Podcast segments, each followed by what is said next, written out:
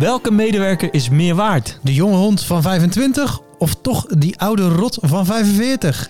Vandaag gaan we in op de verschillende carrièrefases die je doorloopt binnen het agency-landschap. Mijn naam is Alain Ik ben Fabian. en je luistert naar de Digitaal Bijpraten podcast. Vandaag gaan we het dus hebben over jong versus oud. Jong versus oud. Jong Ja. versus oud. In welke categorie vallen wij, eh Faap? Ja, dat hangt vanaf denk ik aan wie je het vraagt. Ik Ja. denk dat ik er genoeg mensen kan vinden die zouden zeggen... nou ja, jullie zitten toch wel bij oud. En ik denk dat ik ook genoeg mensen kan vinden die zeggen... je zit bij jong. We zijn we midden, de middenmotors. We zitten wel ook wel serieus een beetje in het midden. Ja? Laten we jou... eh, we gaan vaag er ook over doen. Jij bent eind 30, ik ben midden 30. Eh, bij- tijdens deze opname. Eh, en eh, ja, ik denk dat je dan ook wel heel mooi in het midden zit. Een beetje, eh, wat is de levensverwachting in Nederland? Ergens in de 70. Nou, dan doe je dat door twee. Ja, Nou, dan ben ik al over de helft. Bij 70. Ik hoop toch wel de 100 aan te tikken, Faap. Eh, oh ja, ik hoop het ook voor je. nou, of misschien niet. Je weet niet wat niet, ja, leuk het is. Maar we gaan het vooral hebben over jong versus oud op de werkvloer. En dan met name in onze bureauwereld, de agency bran- branche. Ja, ja, wat voor dynamiek eh, eh, heeft dat en eh, hoe kun je dat een beetje in perspectief plaatsen? Zowel als ondernemer binnen, binnen je agency, maar, maar ook als professional. Hè? Ja, eigenlijk iedereen die binnen de agency zit zal zich of een stukje herkennen... of een stukje mee kunnen nemen van... oh ja, misschien moet ik er ook eens zo naar kijken. Of ook denken van ja, ik ben iets van leidinggevend... en ik probeer dit in mijn team ook. Hoe moet ik hier nou mee omgaan? Ja, en wij vonden dit wel een goed onderwerp, omdat ja, wij in ieder geval de jongere fase van onze carrière achter de rug hebben en nu een beetje richting de tweede fase gaan. En eh, daarin eh, zie je, ja, jij hebt een hele mooie, mooie moment in je leven, wat ook wel impact heeft gehad eh, of gaat hebben op, Al heeft. al heeft op het werk. We doen nu net alsof het iets heel geheims is, maar ik ben recent vader geworden. recent vader geworden. Nou ja, dat eh, heeft gewoon bepaalde, eh, brengt bepaalde veranderingen met zich mee. Sommige Yep. mooi, sommige misschien eh, iets minder mooi. Maar vandaar ook, ja, ik denk dat wij pak een beetje 10 of 15 jaar geleden heel anders in de wedstrijd stonden. Wat betreft carrière. Dan waar je nu staat. Ja, En dat is wel een mooi perspectief om mee te pakken. ja, oké. Ehm, beginnen we even in de eerste fase. En eh, dat hebben wij gezegd 20 tot 30 jaar. Dus hè, je bent een professional 20 tot 30 jaar. Ja, wat is dan een beetje de levenssituatie waar, eh, waarin de meeste verkeren? Ja, nou, als je begint bij je carrière ben je waarschijnlijk eh, net afgestudeerd of je bent een keiharde college drop-out en je wil gewoon gaan werken. Ja, je situatie is in heel veel gevallen denk ik dat je in ieder geval nog thuis woont bij je ouders bent en aan je eerste echte baan gaat beginnen. Ja, Dus ja. vaak een beetje gretig, hongerig, eh, zin in. Meest- Zeker. Meestal als het goed is. En eh, Be- eh, beetje idea, idealistisch, dus een beetje misschien ook wat vol bravoure en eh, eh, ehm, ja, misplaatst zelfvertrouwen soms ook nog wel eens, eh, denk ik. Maar hey, ik ga het eens even laten zien en ik ga wel eens even laten zien dat het allemaal anders kan. Ja, ik heb er wel eens een nieuwe kijk op. Zeker als je kijkt naar onze branche, die natuurlijk extreem veel met allerlei nieuwe stukken technologie, maar ook allerlei nieuwe kanalen en vormen die er constant ontstaan. Ja, je wilt die- gewoon enorm van waarde zijn. Precies. En je wil jezelf bewijzen eh, naar een werkgever waar je dan ook terecht gaat komen. Maar ik denk ook naar jezelf. Van, ik wil een plek eh, claimen Ja. in deze wereld, even zo gezegd. Ik heb waarde. Ik heb waarde. En die ga je vaak zoeken in output, heb ik destijds, voor me, als ik kijk naar mezelf. Ja. Hoe meer ik doe, hoe meer waard ik ben. Ja, en, en, ja, maar, en ik denk dat daar ook ergens nog eh, een stukje waarheid in zit. Ja, zeker, want aan het begin, ja, je komt net op de werkvloer. Ik weet nog wel dat ik toen, toen ik ging, eh, eh, toen ik studeerde en dacht van aan, aan werken, dan dacht ik aan ja, kantoren waar het allemaal heel stijf en stoffig is en eh, je mag geen fouten maken en het is absoluut not done om een keer ergens te, te laten zijn en je moet bepaalde kleding aan. Het werd bij mij echt geschetst als van zo de werkende wereld, dat is voor de grote mensen eigenlijk helemaal niet zo leuk en als je erbij wil horen moet je op deze manier presteren. Dus dat gevoel borrelde toen heel erg mij en ik denk dat met mij best wel veel dat hadden, misschien zelfs op dit moment nog hebben. ja, ja. ja ik, mijn vibe eh, was eh, destijds heel erg gewoon... eh, niet, niet zeiken, gewoon, gewoon afmaken. Juist. als je veel werk hebt, dan, dan werk je maar even door s'avonds. Ja, maar ik denk ook echt, echt wel een goede, een goede mindset voor iemand die net start hoor, als ik heel eerlijk ben. Als je begint, er is niks mis mee hoor. Nee. Maar als, als ik dan kijk, uh, ik ben er bijna 40. uh, sta ik daar nu iets anders uh, in. zonder te zeggen dat het dan helemaal niet goed is, maar wel op een andere manier. Ja. ja. Je gaat waarde op een andere manier zoeken. Want ja, hoe zit dat dan in, in, in, in uh, land? Ja, je krijgt een, een, een, een laten we zeggen, een junior functie. Je wordt uh, een designer, een developer, een uh, video editor tot en met een online marketeer. Allemaal op het laagste, nou, laagste niveau klinkt zo slecht. Ik ga nee, allemaal zeggen op een wat minder ervaren beginnend niveau.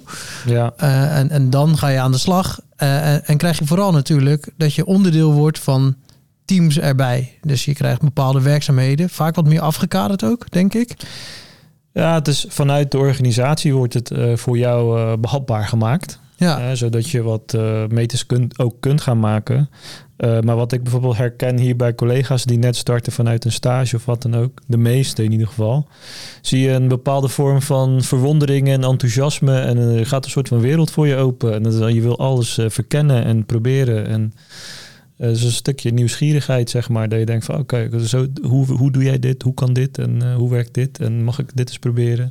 Bij de meesten zie je dat wel. De ene uit dat wat meer, ja, hoe zou je dat zeggen, extravert. Dus die doet dat ook echt, uh, dat hij naar iemand toe loopt. De andere is wat meer introvert misschien, maar heeft wel, je merkt wel dezelfde gedragsdingen. dus heel erg nieuwsgierig en willen leren, zeg maar. Dat merk je heel erg. Ja, zeker.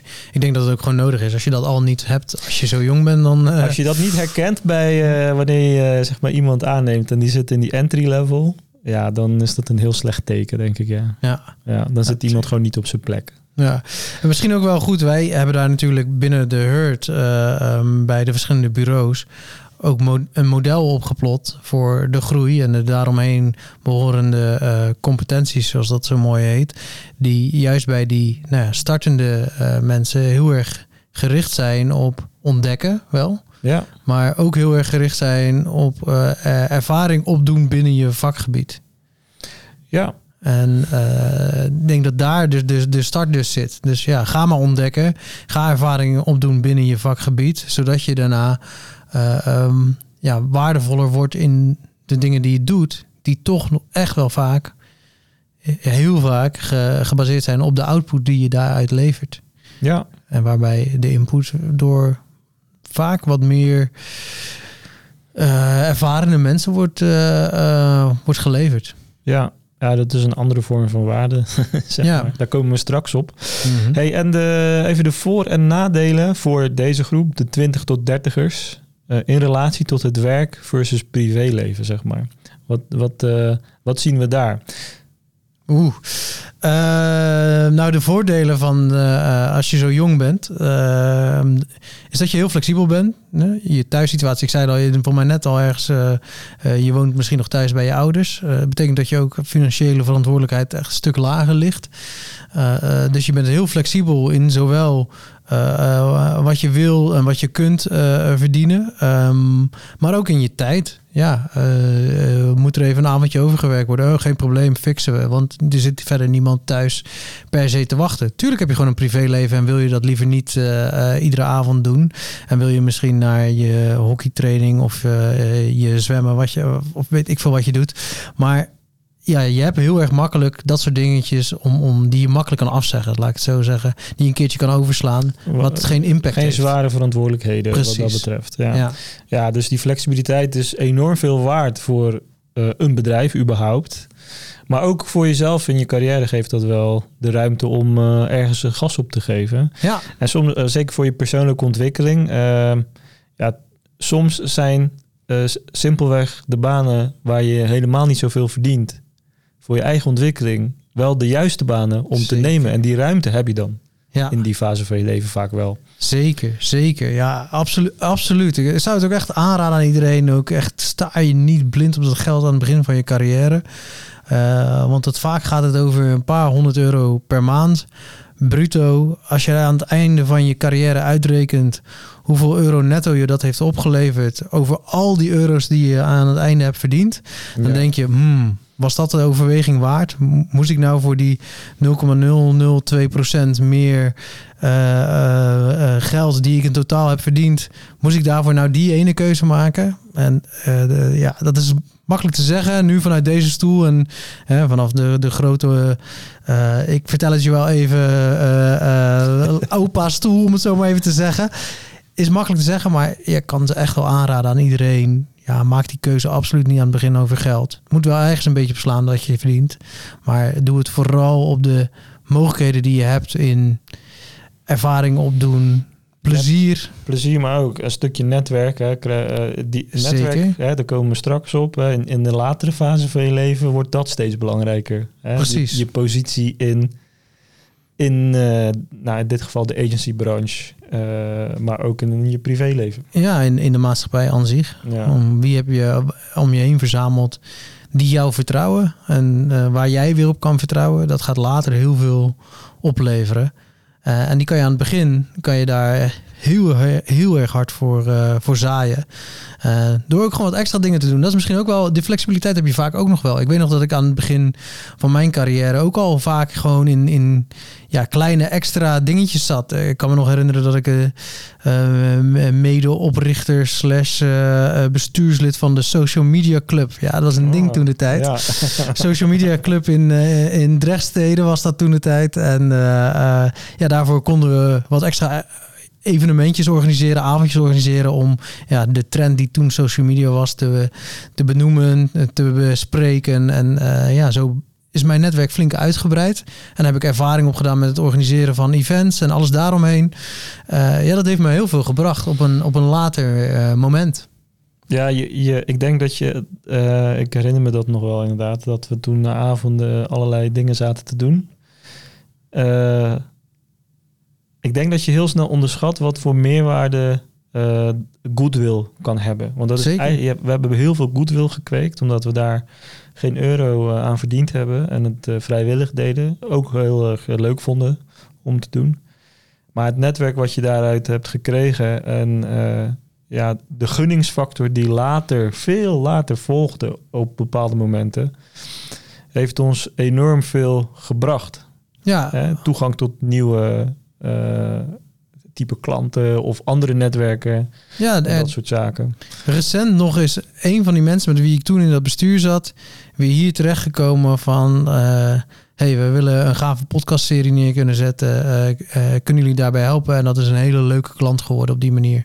Ja, Eh, gewoon wat we toen, en we hebben het nu echt over 10 plus jaar geleden, eh, we veel samen hadden gewerkt en ja, eh, elkaar aardig vonden aan de ene kant en ook wel een beetje vertrouwen hadden dat we wat konden. En eh, zo zijn, kom je weer terug bij elkaar en levert dat nu gewoon eh, eh, leuke opdrachten op. ja, ja. Hey, en eh, misschien een beetje vanuit het perspectief van ja, de, meer de leidinggevende of eh, eigenaarsrol van een agency. Wat motiveert nou die groep 20 tot 30? Wat heeft, wat heeft ons gemotiveerd in die tijd?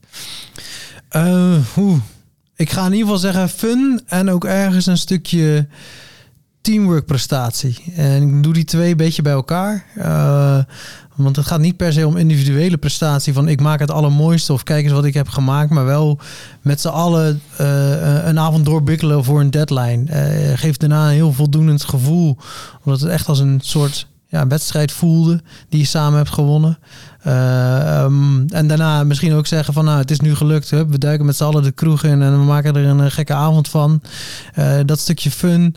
Eh, ehm, ik denk ook de mogelijkheden om gewoon een beetje te kunnen ontdekken en ontwikkelen. Dus dat het niet allemaal hele strakke lijnen zit wat je wel en niet moet doen en hoe het werkt en welke protocollen. Maar juist een beetje die vrijheid en ontdekkingsmogelijkheden. Ja. Dat zijn de, de drie die in mij nu naar boven komen poppen. Ja, terwijl ik, ik hoor zeg maar in de, eh, eh, in de laatste paar jaar dat, dat het stukje fun misschien te veel benadrukt is geweest in onze branche. Zeker als je het hebt over je eigen employer branding en zo. En dan de tafeltennis staat klaar. En dat werd toch een beetje als te cliché allemaal gezien. En ja, dan geloof ik, dat is eigenlijk een beetje de norm misschien.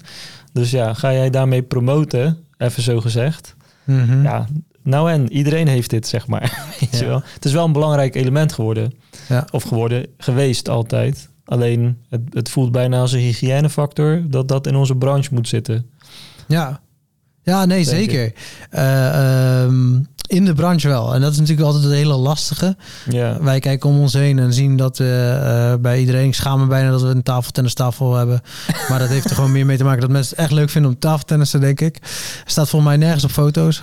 Denk. Eh, eh, en, en niet dat eh, ik weet, in ieder geval. kijk. Ik heb, eh, wij hebben hem ook niet vanuit het management of wat dan ook eh, aangeschaft. nee, er werd, van, werd echt gevraagd. werd inderdaad. gewoon door het team zelf gefixt. Dus dat is helemaal prima dat die er is hoor. Maar eh, ja, weet je, die, die, die foto's op je werken bij pagina met eh, dat soort dingen. Ja, dat, dat hoeft. En, en een glijbaan en eh, kantoorhond en weet ik veel wat. Ja, Ja. Maar dit, Ja, wat ik moet- zeg, dat, is, eh, dat, dat is niet de bedoeling. intern kijken we daar zo naar, omdat wij ook andere conculega's, zoals het mooi heet, dit ook zien doen. Denken we van ja, daar is geen onderscheidend vermogen. Ik denk als je het kijkt naar de, we noemen het dan altijd de klantkant versus deze kant, dat dat wel nog steeds een motivatie kan zijn om in ieder geval aan de agency kant te gaan werken. Dus dat die fun factor. Ik denk dat dat wel heel Ja. erg eh, doorslaggevend is. Als ik er om me heen kijk en ook vraag aan mensen, dan Ja. zeggen ze ook wel eens: ja, bij jullie ziet er altijd wel zo gezellig uit. Ik vind het heel tof en eh, ja, echt een, een, echt een groep vrienden. Dat, eh, eh, ja. dat, daar ben ik soms wel jaloers op, zeggen ze dan. Ja, ja dus- de, de lunch is kennelijk voor heel veel mensen nog steeds heel bijzonder. Dat wij, oh ja, zeker. dat ja, voor ons, wij, doen, wij weten niet anders, maar dat we ja, pak een beetje drie kwartier wel eh, iedere dag gewoon altijd lunchen met elkaar. Ja, altijd met elkaar, bijna altijd tegelijk. Weet je, iedereen is binnen vijf tot tien minuten zitten we aan tafel. Ja, Eh, waardoor je ook echt die band op, echt opbouwt met elkaar. Want je hebt het ook gewoon over allerlei dingen. En nou ja, het is gewoon echt een... Het is cultuur. En daar eigenlijk vergeten wij het al, omdat het gewoon standaard iets is voor ons. Maar het is een hele Ja. belangrijke. Ik denk in vergelijking met andere branches zeker. Ik weet eigenlijk niet of dat bij eh, alle agencies ook een Bijna beetje... wel hoor, als ik heel eerlijk ben. Ja. Ik, ben- ik kom wel eens vaker natuurlijk bij op andere plekken. Hartstikke leuk juist. En dan word ik ook vaak aan, aan, aan de lunchtafel uitgenodigd. En dan Ja, toch? ja, Ja. komt het wel een beetje op hetzelfde neer. Eh, maar als je dat dan van de buiten hoort, ja, je hoort, nog wel eens bedrijven waarbij die gewoon mensen die in, eh, in een auto een boterham gaan zitten eten af en toe om, om even eruit te zijn. Dan denk ik, oh man, ja, moet er niet aan denken. ik zou zo de helft van mijn salaris inleveren voor gewoon gezellig een lunchtafel en een broodje erbij. Maar ja. dat ben ik. Nou goed, oké. Maar eh, no- even mijn punt, nu ga ik hem echt afmaken, is, is dus inderdaad van buitenaf eh, eh, is dit echt nog wel een ding. Deze zaken, die, die fun elementen, eh, om bij de agency-wereld te komen of niet. En daarom is het zo in trek ook bij eh, een jongere groep. En, en dat ook terecht natuurlijk. Daar zit gewoon wat meer deel- eh, ja, die, die fun in. Maar ja, het is niet meer onderscheidend binnen agency-landschap. Nee, het is meer... eh, eh, het hoort erbij. Ja, precies. ja, ja. precies. Oké. Hey, en dan gaan we langzaam de transitie richting die 30 maken. Ehm, je begint eigenlijk als specialist, zou je kunnen zeggen. Dat is misschien een beetje vreemd om te zeggen, want je bent een beginner. Hè, je moet het vak nog leren. Mhm. Maar je bent vaak wel bezig met één specifiek element binnen een wat groter geheel. Hè. Dus je bent niet eh, de marketingstratege, maar je bent eh SEO-specialist. Dus dat Ja. is een, een onderdeel van marketing, even zo gezegd. Dus dat bedoelen we met, met specialisatie. En Ja. Daar ga je de eerste drie, vier, vijf jaar echt eh, zoveel mogelijk jezelf in vastbijten. Ja. Eh, maar langzaam gaat dat wat breder worden richting je dertigste. Vaak wel. Va- vaak komt het er veel breder bij. Eh, je ziet denk ik een keuze bij mensen ook. Dat ze, oké, ik ben nu die specialist op dit gebied. Ga ik die helemaal doorpakken en zwaar uitdiepen qua hard skills binnen dat specialisme en daarna mijn, daarnaast mijn soft skills gaan uitbreiden? Of ga ik naast deze hard eh, ehm, nog meer skills erbij pakken en wat breder gaan oriënteren en wat meer dingen tegelijk kunnen oppakken om daarna die soft skills op te gaan pakken en ze wat breder in te gaan zetten. Dat is wel de twee routes die ik veel zie en ik denk dat het Ja. heel erg met je karakter heeft te maken. Ik denk misschien nog wel een leuke eh, side note is dat spe- eh, specialisatie. Ik heb ook wel veel, laten we zeggen, mensen aan het begin van de carrière voorbij zien komen. Ja, maar ik vind juist alles zo leuk, dus ik wil heel erg breed. Ja, dat is een enorme valkuil, want aan het begin eh, kan je je gewoon maar zoveel stof tot je nemen en zoveel dingen echt goed begrijpen. En Ja. ja, de meeste dingen leer je ook pas echt als je het gedaan hebt. Dus kies wel echt dat specialisme. Wees niet bang van ja, maar dan zit ik daar voor de rest van mijn leven aan vast. Nee, op dat moment zit je er even voor twee jaar aan vast. Maar dat is ook wel lekker, want het is goed afgekaderd. Het is goed te doen op die manier. Ja, ik denk dat, dat geduld hierbij een, eh, een lastig is voor, voor eh, veel van dat soort mensen die een wat breder nieuwsgierigheidsstukje hebben. Hoezo geduld? Nou ja, twee, twee tot drie jaar als jij 22 bent, voelt lang om dezelfde, hetzelfde te doen. Snap je wat ik bedoel? Zeker. Dus ik denk, eh, ik denk dat daar de uitdaging is voor de wat jongere mensen is... Doe even rustig. Zeker. Focus je even op één ding. Ja. Ja. Ja, nee, en het kan ook, het moet ook bij je karakter een beetje zitten. Hè. Eh, ik heb er ook weinig geduld wat dat betreft op die punten. ja. Ik vind het heel tof om iets nieuws te ontdekken. Eh, eh, daar heel snel even jezelf in te verdiepen, waardoor je zou kunnen zeggen: Nou ja, ik ben in ieder geval een specialist, geen expert, maar een specialist op dit gebied eventjes. Maar dan denk ik op een gegeven moment: Oké, nu weet ik het wel en ik hoef die laatste 10% niet te ontdekken. Ik ga weer iets anders proberen. Dat zit gewoon in mijn aard. Ehm, maar dat heeft mij aan het begin van mijn carrière wel, ja, ehm, veel gekost, om het zo maar te zeggen. Ik kon niet gelijk deep dive en doorpakken en Ja. zeggen van hier ben ik nu echt goed in. Dus eh, ja, op heel veel dingetjes kwam ik net een beetje tekort om echt mee te strijden met de, de juiste eh, mensen om me heen. En, maar ik had wel van heel veel dingen heel veel verstand. eh, maar ja, Ja. net niet genoeg. Nee, niet genoeg. Ja, ze noemen dat de T-shaped eh, vaak. Hè? Dus dat is één eh, of twee onderdelen heel goed beheersen. Ja, En zes andere onderdelen net genoeg van weten. ja precies. Ja. En, en ik, ik wist van, van alle acht net gemiddeld. Ja, Dus ja, Ja. dan heb je net niks. Dus, maar dat is wel een hele. Uh, Ja. om, om dat geduld te bewaren. En ook al zit het dus niet in je karakter... Ja, moet je daar toch een beetje tegen strijden. En zoek dan echt iets waar je toch in, in vast kan bijten. oké. En dan eh, ga je dus de grens over van 30. Ja. En dan, ja, het is niet letterlijk een grens, hè, maar ergens in die periode, eh, het kan ook 28 zijn of 32, in die periode verandert jouw leven langzaam. Krijg je een andere situatie. Ja. Vaak misschien nog wat eerder dus eh, op jezelf wonen, of je hebt een partner, je gaat een huis kopen. Daar Ja. zitten toch best wat elementen in waar die flexibiliteit al langzaam verdwijnt. Ja, eh, in ieder geval meer verantwoordelijkheid komt. Ehm, dus de flexibiliteit. eh, nou, ja, je hebt een huis gekocht, dan eh, heb je een hypotheek of je hebt huur. Eh, maakt op zich niet zoveel uit. Dat wordt gewoon verwacht dat dat gewoon netjes betaald wordt. En het wordt ook verwacht dat jij gewoon in kleding op je werk aankomt. En dat je s'avonds gewoon wat te eten hebt. Dus ja, je gaat ook je leven een beetje inrichten op dat je levensonderhoud krijg je. En dat wil je op een bepaald niveau gaan krijgen.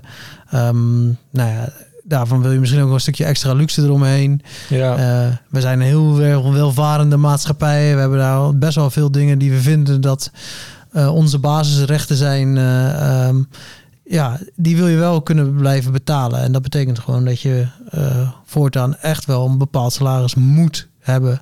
Anders Ja. gaat het niet goed komen.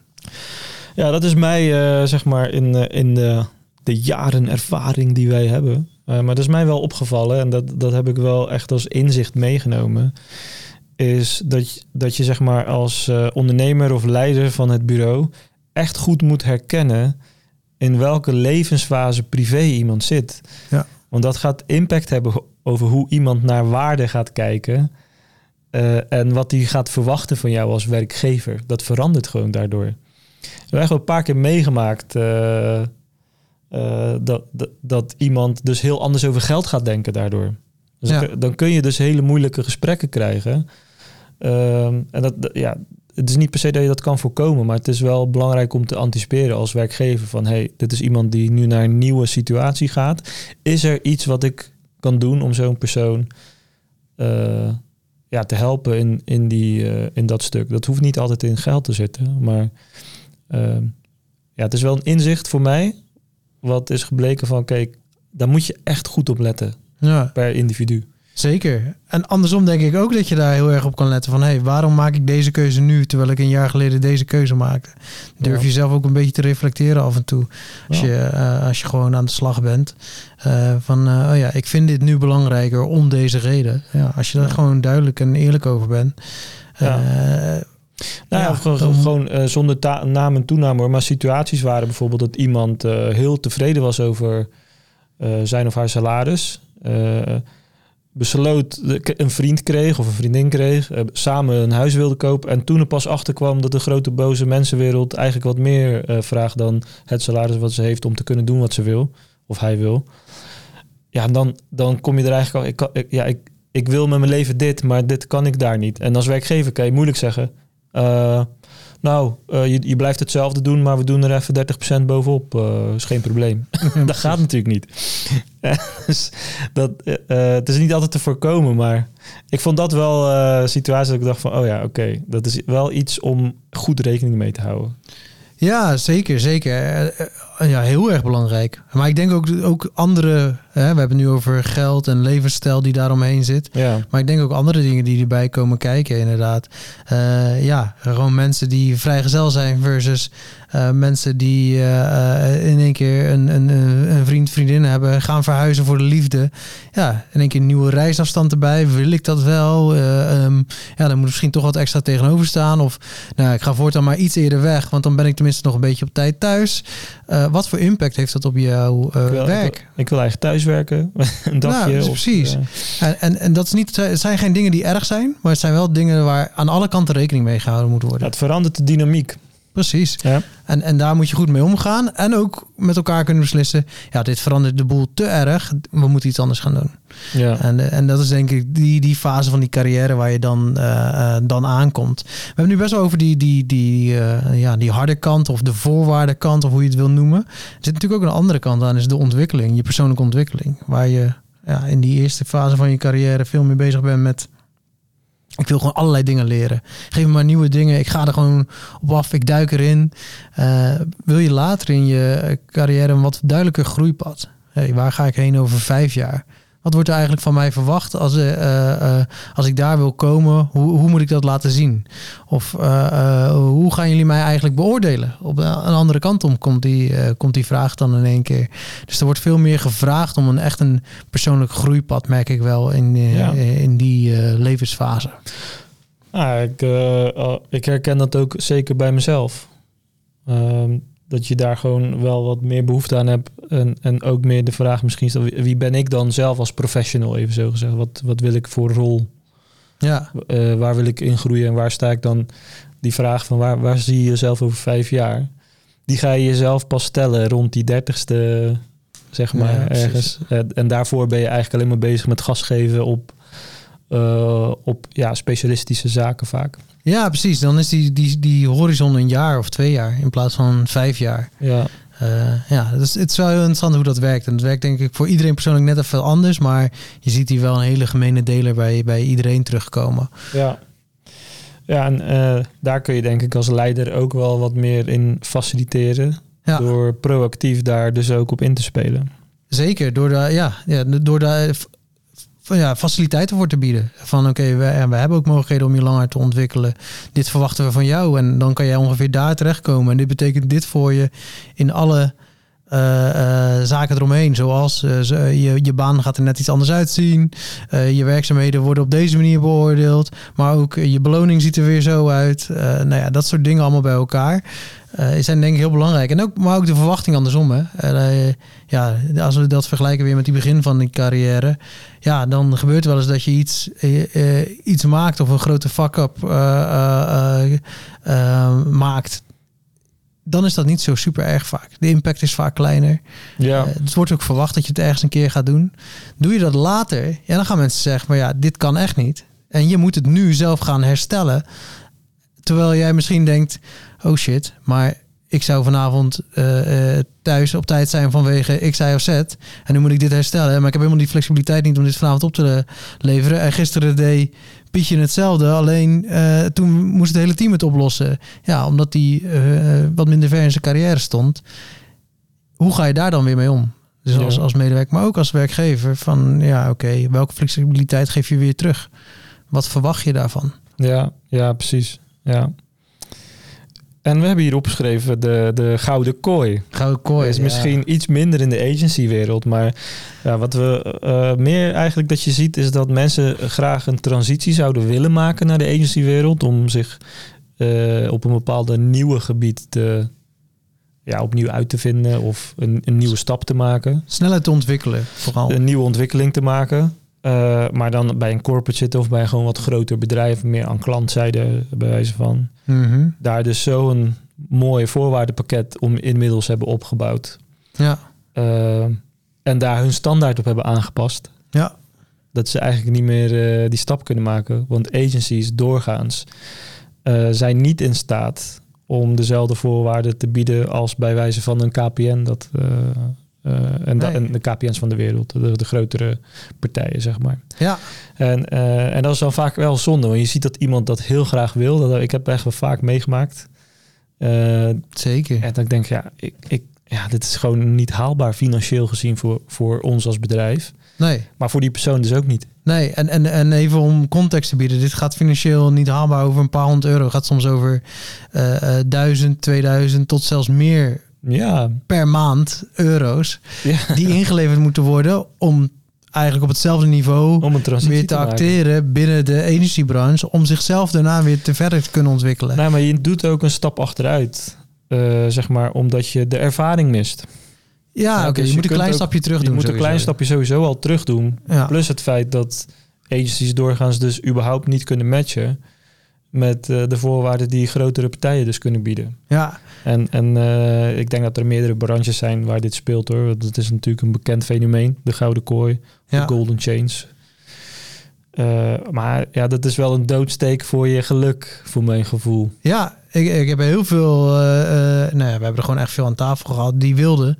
Maar zeiden van ja, maar dit moet echt gematcht worden. En dan zei ja, dat kan gewoon echt niet. En dat diegene echt teleurgesteld was en ook niet begreep hoe dat zat. Van waarom is dat dan? Ja, gewoon heel simpelweg achter een agency zit een verdienmodel. En dat verdienmodel is gewoon eh, ongeveer dit uurtarief gaan wij aan, aan jou kunnen verdienen. En je gaat voor ongeveer zoveel tijd weggezet kunnen worden. En daar kan een klein beetje meer en een klein beetje minder bij. In zowel het aantal uur dat je weggezet wordt als eh, het uurtarief wat er uiteindelijk uit komt rollen. Maar aan het einde is dat wel de rekensom. En als die rekensom niet uitkomt, omdat je gewoon te veel salaris vraagt, ja, dan, dan is het risico te groot en is, is je waarde te laag ten opzichte van wat je tegenover biedt.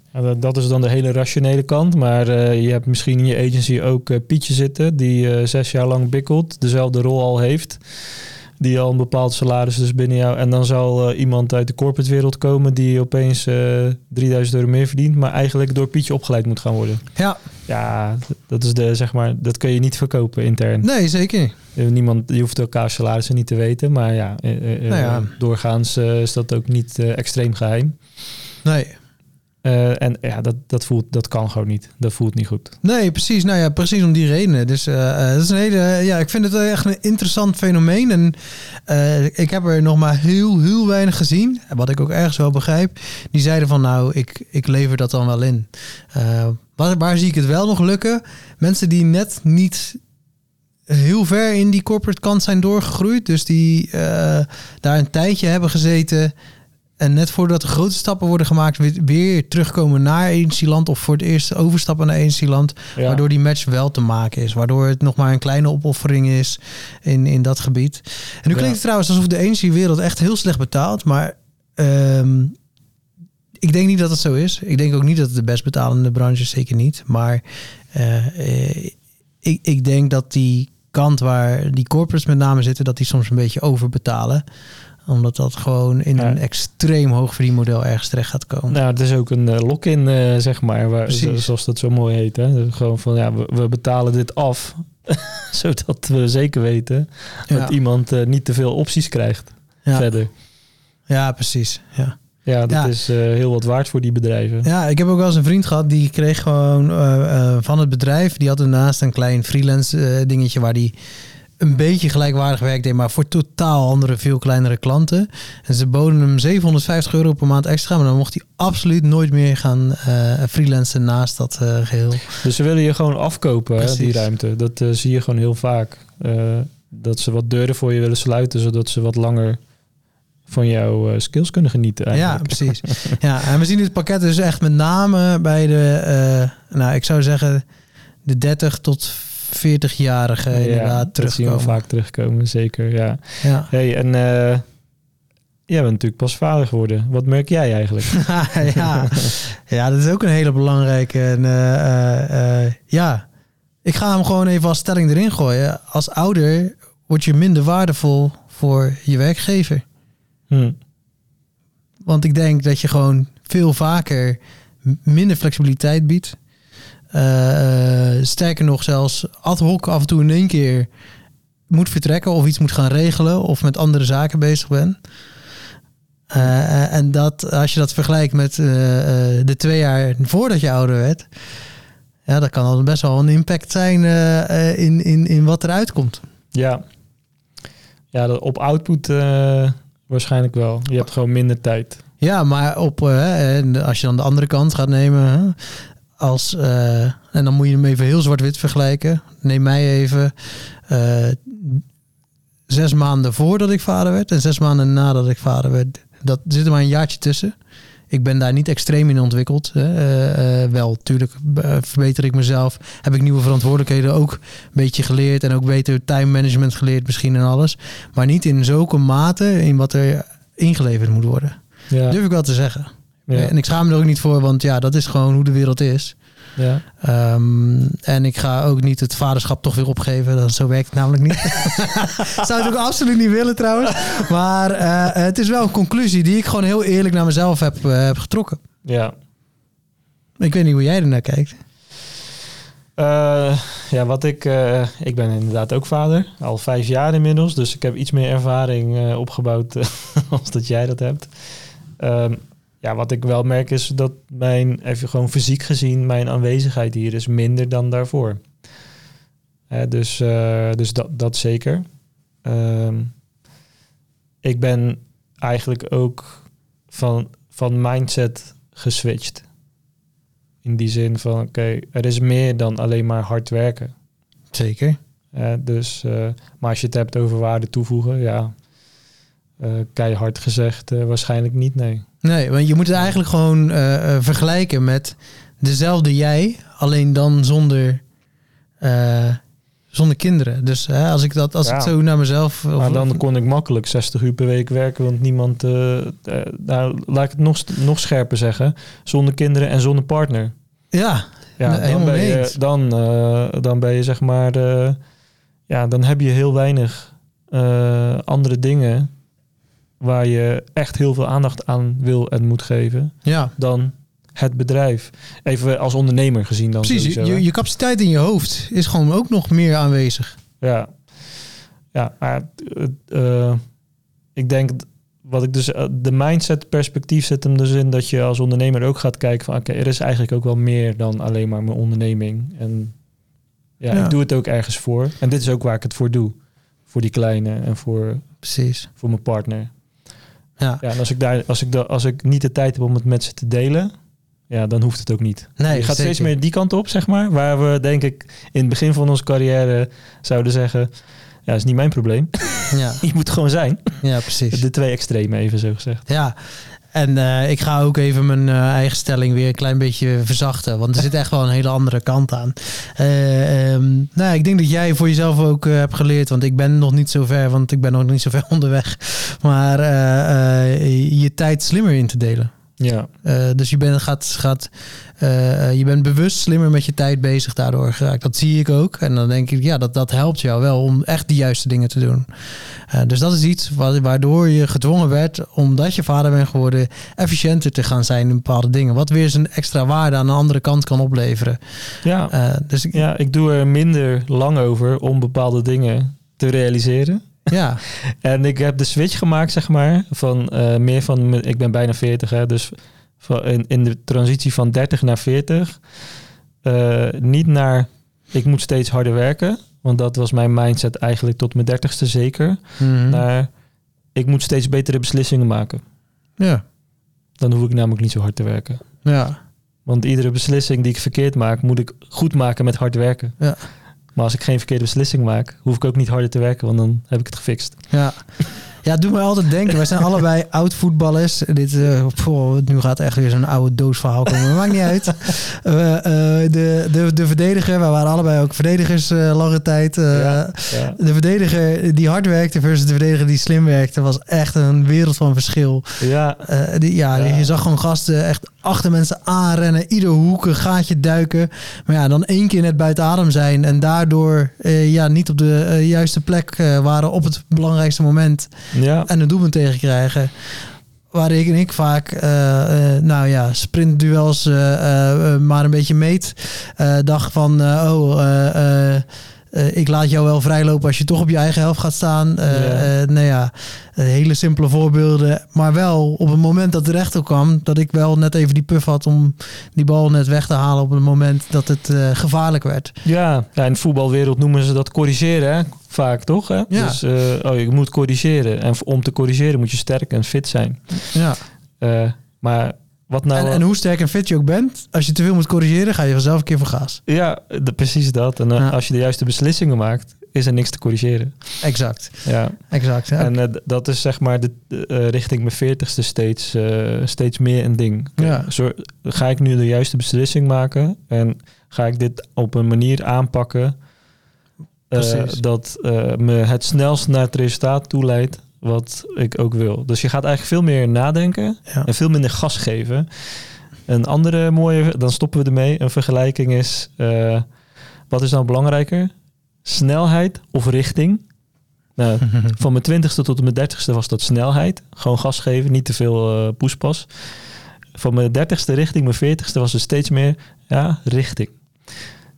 Richt ja. ja. kan net zo snel zijn, maar als dat niet in de juiste richting is, dan moet ik weer terug. Ja, je hebt maar één pijl om te verschieten, dus je kan maar beter heel goed mikken. Ja, ja, ja precies.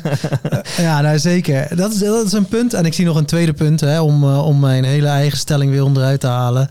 Uh, ik denk dat als je vader wordt, je per definitie je karakter ook menselijker wordt en empathischer. En dat dat zeker als je in een wat meer leidinggevende functie terechtkomt, je heel veel gaat brengen en heel verder gaat helpen. Uh, ja. Dus daar zit er nog een enorme, enorme waarde in van uh, dat ouders stiekem toch misschien wel waardevoller zijn dan niet-ouders. dus ja. Dat hadden we toen we twintig waren niet gezegd. Was. Nee, zeker niet. Maar je zijn het wel een hele, hele leuke. En dat vind ik er nog wel eentje. Die, is een groep die misschien wel een beetje ondergewaardeerd wordt. Zijn de... Uh, laat ik zeggen, de singles van uh, uh, die net in die tweede fase van hun carrière zijn uh, beland. Die hebben vaak nog en die extra meters die ze maken. maar ook wel echt een mooi stuk ervaring opgedaan. En, en zijn vaak ook wel bezig met slimmer werken. En die doen die combi. En die leveren vaak wel echt heel veel goudwerk op. En die worden soms een beetje ondergewaardeerd in de extraatjes die ze zouden moeten krijgen voor Ja. de, de vieze meters die ze voor anderen maken. De onzichtbare meters. Precies, ja. Ja, ja, ja. Eigenlijk zeg jij daarmee, al, als je het vertaalt naar de voetbalwereld, dat is die persoon die en topfit is en zelf weinig fouten maakt en niet hoeft te corrigeren, maar die van anderen zelfs nog weet te corrigeren. Waardoor die andere eigenlijk helemaal niet voor aap staat. Ja, en precies. Oh ja. Ja, misschien is dat wel een mooie vergelijking. Dus die, die, eh, die groep. Nou ja, shout-out naar jullie. Ik- Jullie weten het wie jullie zijn. ja. De rest weet het helaas niet. nee, maar geef niet. Nee, maar dat is eh, echt een hele belangrijke groep. Dus eh, koester die ook als je die hebt. En eh, Weet, let erop dat ze er zijn. Precies. Vaak is het, is het heel onzichtbaar werken. ja, geef ze echt die credits die ze verdienen in, in de manier die zij graag zien. Ja, hey, en dan beleiden, be- belanden we in het laatste hoofdstuk 40 plus. ja, zijn we nog niet beland eigenlijk. niet. maar- Ja, ik sta op punten om eh, die te betreden, maar eh, ik, ben er, ik ben er nog niet. Nou, we, we hebben hier wel met eh, mee te maken gekregen, in wat mindere mate, maar daar zien we wel wat dingen. Ja, nee, zeker wel. Opvallende dingen. Wat mij ook wel opvalt, en dat is gelijk de kanttekening als je kijkt naar onze branche. Die groep van 40 plus is echt een, echt een veel lager vertegenwoordigde groep dan die andere twee. Eh, dus je ziet wel dat onze branche ehm, een beetje le- leegloopt richting die leeftijd. Hm. En eh, nou, misschien komen we zo wel op wat dingen die daarmee te maken zouden kunnen hebben. Nou, ik heb hier opgeschreven iets wat mij bijbleef. eh, wat, wat iemand uit deze groep tegen mij zei. En dat is bij mij blij, bijgebleven. Ja, dit, dit is de laatste hoofdstuk in mijn carrière. Dus ik wil daar een goede beslissing over maken.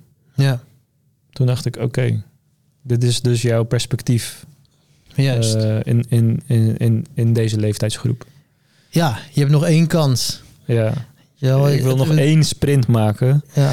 En dan is die richting, eh, die moet wel overwogen zijn.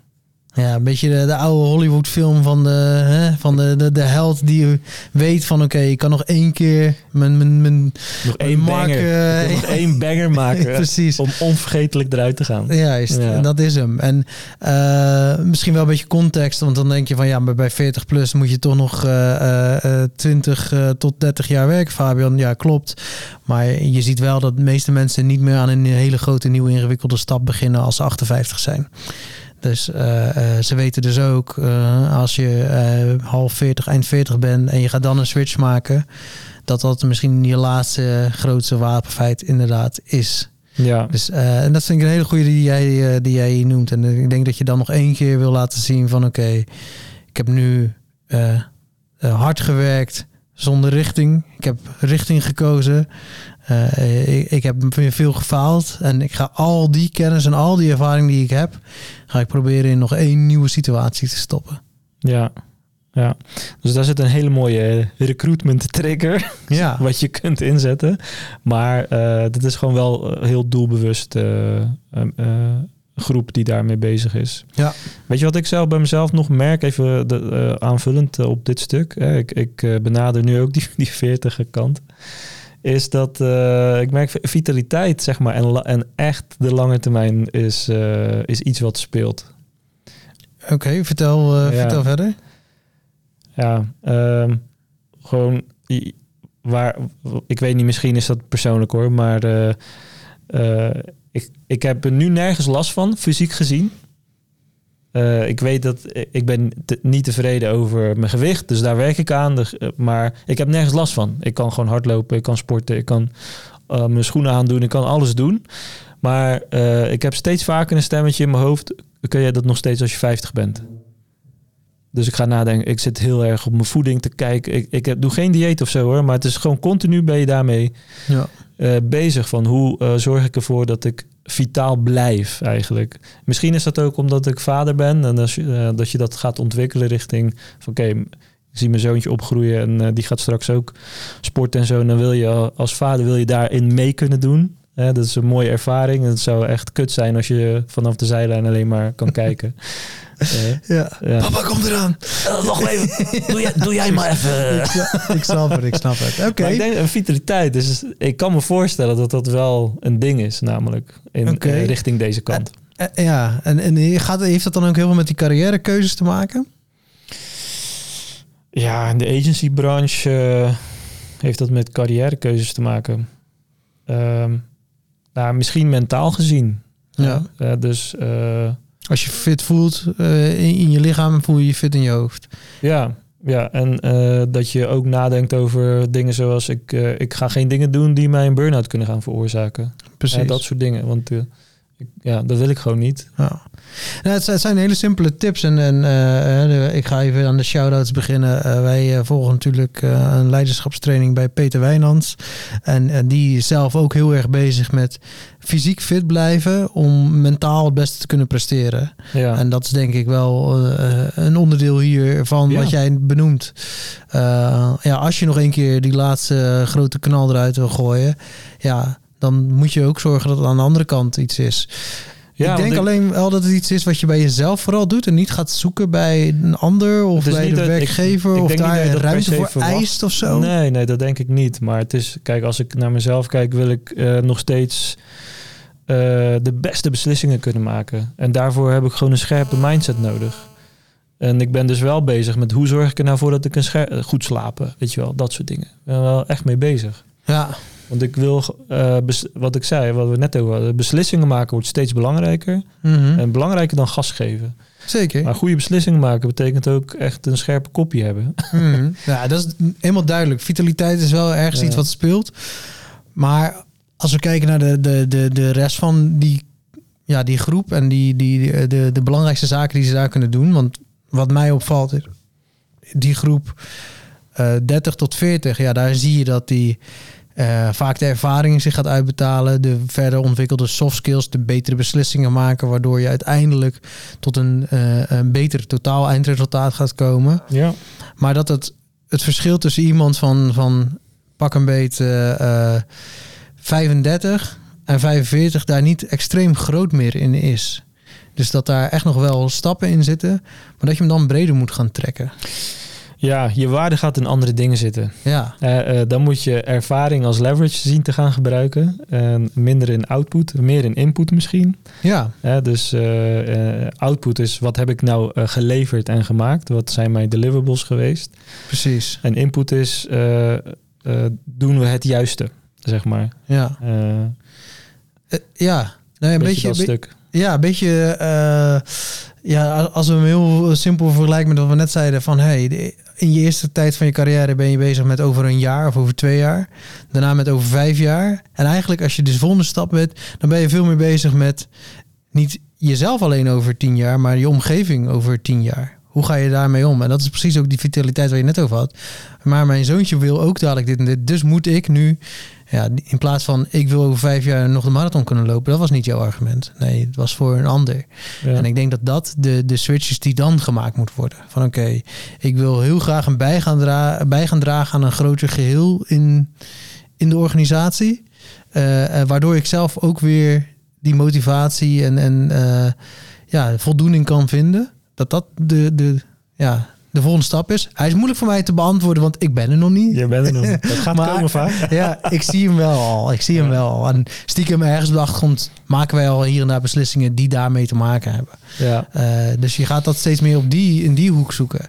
Um, maar hè, wij zitten aan een uh, ondernemende kant of een leidinggevende kant, hoe je het wil noemen. Je hebt natuurlijk ook een groep die gewoon zegt van nee, ik, ik ben echt een vakspecialist en ik wil daar in iets neer gaan zetten.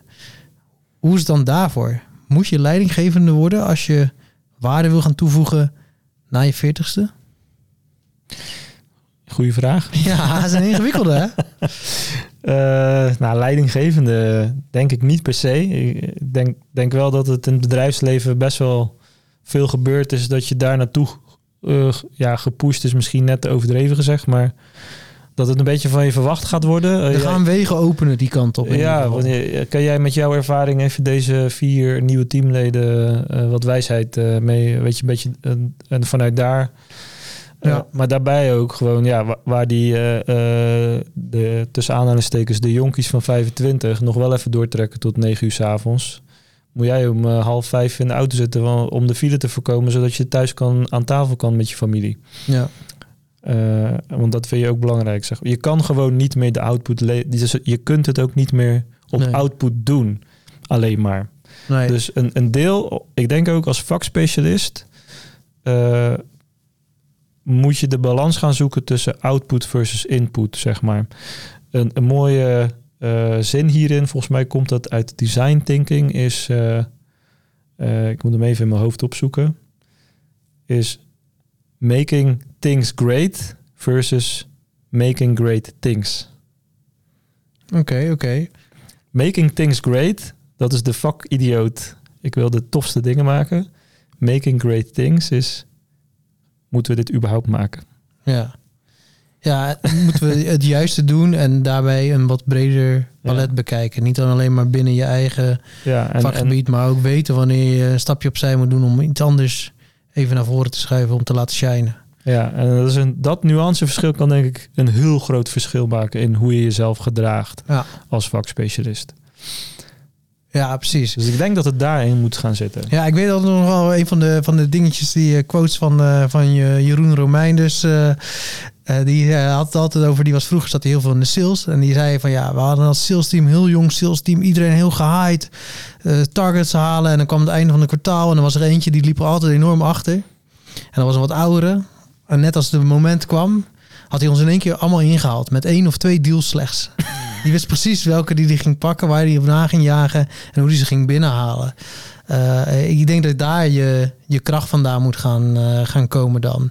Um, en ik denk dat inderdaad dat je dus de grote valkuil voor vakspecialisten is door te denken van oké, eh, ik ga inderdaad nog heel veel maken, heel veel output leveren. Dus ik ga proberen mee te doen in die, in die wedstrijd.